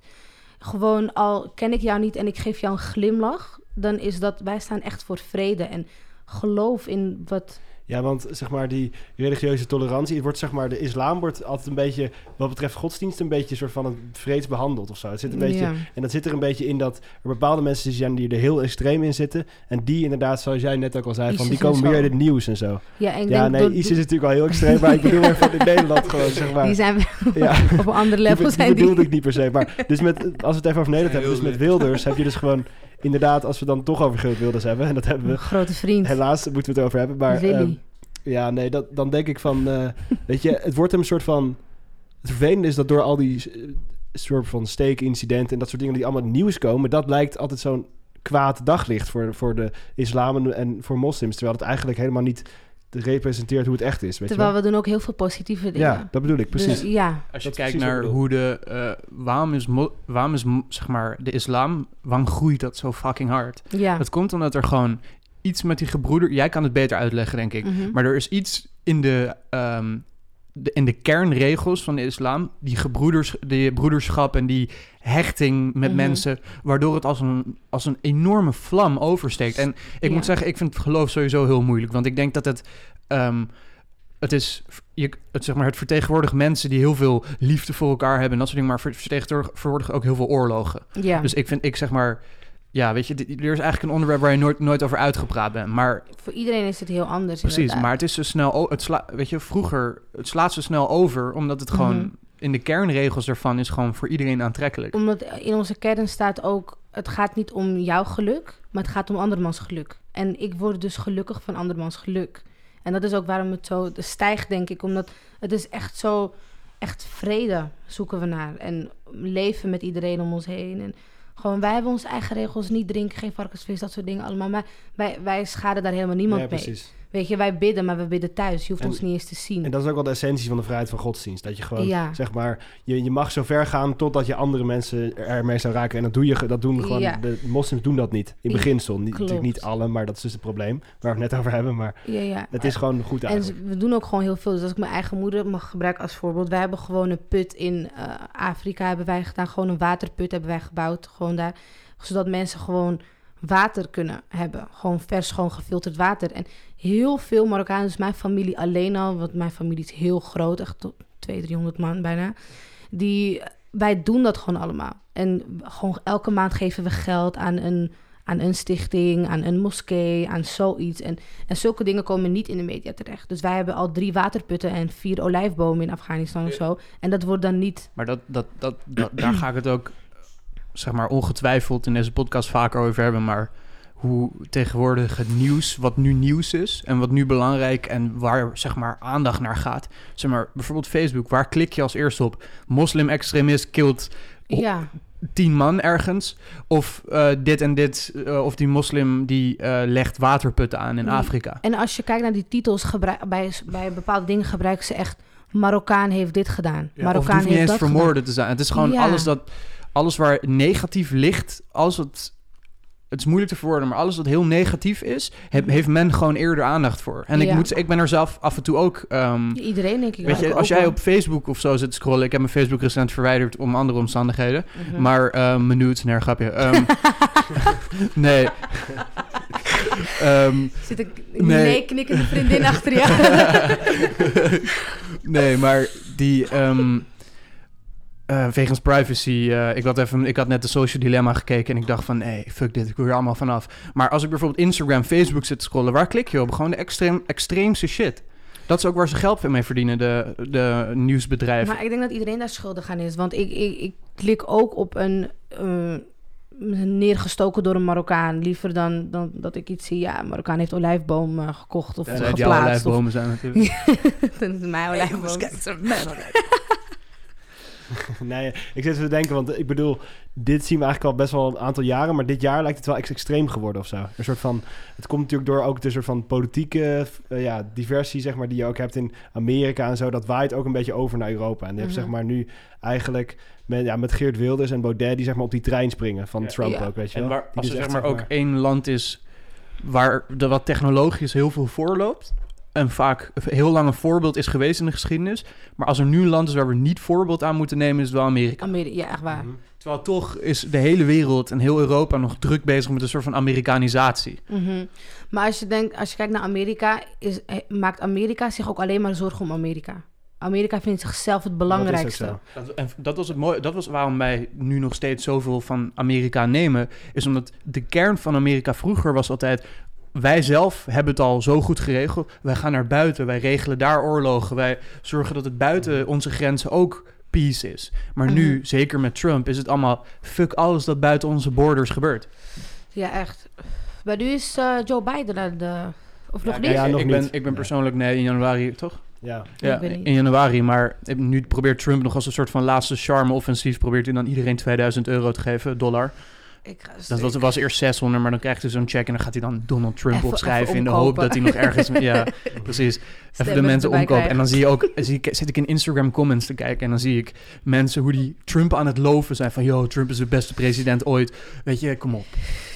Kom op. Maar ik ben trouwens ook geen groot fan van Biden... maar Biden ik ook niet. zodra het voor mij... Het is iets meer wetenschappelijk ondersteund in de zin van ehm, klimaatontkenning niet Mhm. meer. Weet je, dat is voor mij al wel heel belangrijk. Maar voor Amerika is het nu ook heel anders. Het is een heel ander gesprek of zo. Hoor. Maar in de illuminatie zo zeggen ze dat Joe Biden ook diep in die illuminatie zit. En dat Donald Trump dat dus niet heeft. En waarom hij dus ook geen dat oorlog dat- heeft. dat is. Dat lijkt me niet. dat is Ja, bij, ik, ik ja, weet I het know, niet, maar hoor. dat is gewoon bij Wat die, ik hoor. het is gewoon bij die complottheorieën dan. Mm, ja, dan- ik ben echt een complottheorist.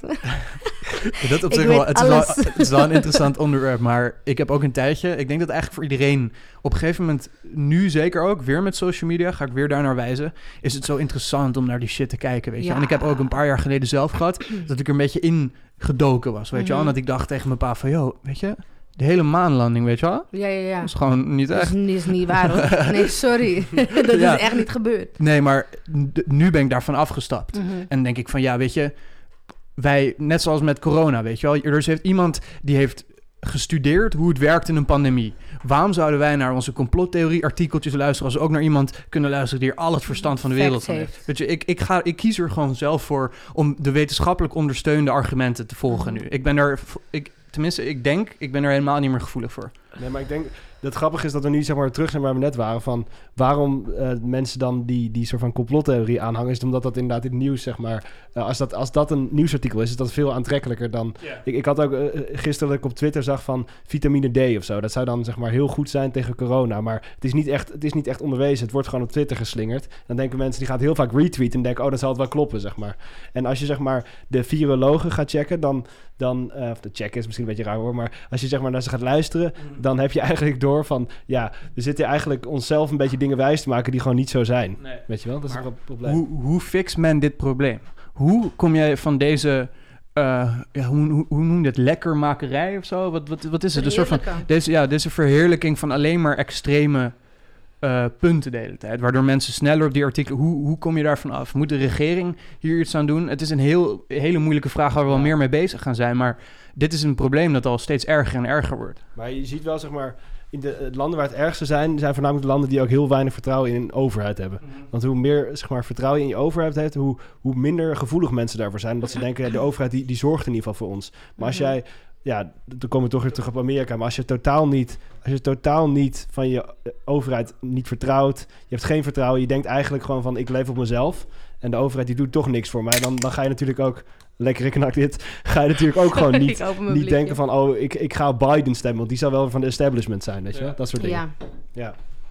Maar we zijn best wel, best wel afgedwaald. jongens. Ja, we zijn al ongeveer een half uur niet meer aan het lullen over de Engelsopleiding. Maar over deze hele, weet je, globalisatie en dat alles, weet je, alles gaat sneller. Alle theorieën gaan binnen een minuut de wereld rond. Of het Ja. nou nep of echt is. Eh, Engels, eh, de Engelse taal is natuurlijk echt... Tenminste, ik ben groot voorstander van... Ja, oké, maar ik ben groot voorstander van... ehm, dat de Engels moet zoveel mogelijk gesproken worden. Weet Ja. je, als het aan mij ligt op de basisschool, zodra je in de eerste klas zit, je krijgt meteen Engels. maar, maar eh, Engels is ook echt een... Als je ziet Nederland, in Europa of waar dan ook, spreken Nederlanders zijn het meest bezig met Engels. En wij... de Duitsers wij- zijn er ook wel goed in, volgens mij. ja, maar wij bieden ook echt een goeie, goed onderwijs, hoor. Nee, als je zeg maar ziet, dan is dat Nederland en de Scandinavische landen zijn over het, over het algemeen ook heel goed in Engels. En die Ja? zeg maar, daarbij merk je nou in die rankings dat Nederland volgens mij oprecht na natuurlijk Verenigd Koninkrijk en Ja, ja, ja. Amerika stonden ze oprecht wel gewoon op een van de eerste plaatsen. Ja. Weet ik vrij zeker. En, en dat is best wel bijzonder. En dat geeft ook wel aan van, Ja. we zijn er al heel erg mee bezig. Maar dat geeft, Het ook, is niet een soort van... dat geeft ook alweer wat ik dan al langer zie. En dat is dat gewoon mensen steeds sneller in een echt al aanleg krijgen voor Engels. Omdat ze Mhm. het ook zoveel meer krijgen te zien. En hier in Nederland zijn wij niet, zoals in Italië en Spanje, van elke film moet er een Italiaanse of Spaanse stem overheen. Ja, klopt. En dat, dat klinkt ten eerste we tien keer Die verschrikkelijker. monden bewegen op andere momenten. Ja, als, als mijn kinderen naar dat soort shit gaan kijken, jongen, ik kijk dan vroeger neem ik geen tv meer. Dora in het Nederlands. Je ziet haar mond bewegen, maar je hoort iets anders. Ja, het gaat nergens. Of, die, of je weet wel echt die verschrikkelijke autoreclames. Dat je dan zo ehm, de, de beste Hyundai en dan die mond zo gewoon meebewegen. Ik ga het Nee, het gaat nergens over. Maar we zijn nu een uur en 15 minuten bezig. Eh, gaan we een eind aan breien? Gaan we het te wel, breien? Ik vond het heel gezellig. Ik vond het wel ook mooi. heel leuk. Ik, vind je, ik vind je een heel leuk persoon. Ik vind, ik vind juist wel geweldig, maar dit was super gezellig. Ah, dankjewel. ik moet nog één ding zeggen. Ga naar Oxford. Ja, dat is een mooie ik, afsluiting. Oké, ik, ik dacht dat we er klaar mee waren. Oké, ehm, We komen hierop terug, hè? Ik, ik kom terug en dan laat ik jullie weten of ik naar Oxford ze ben komt gegaan. sowieso een keer terug. Weet Ik je? vind het heel gezellig. Oké, doei mensen. Hey, fijne avond verder. Joe.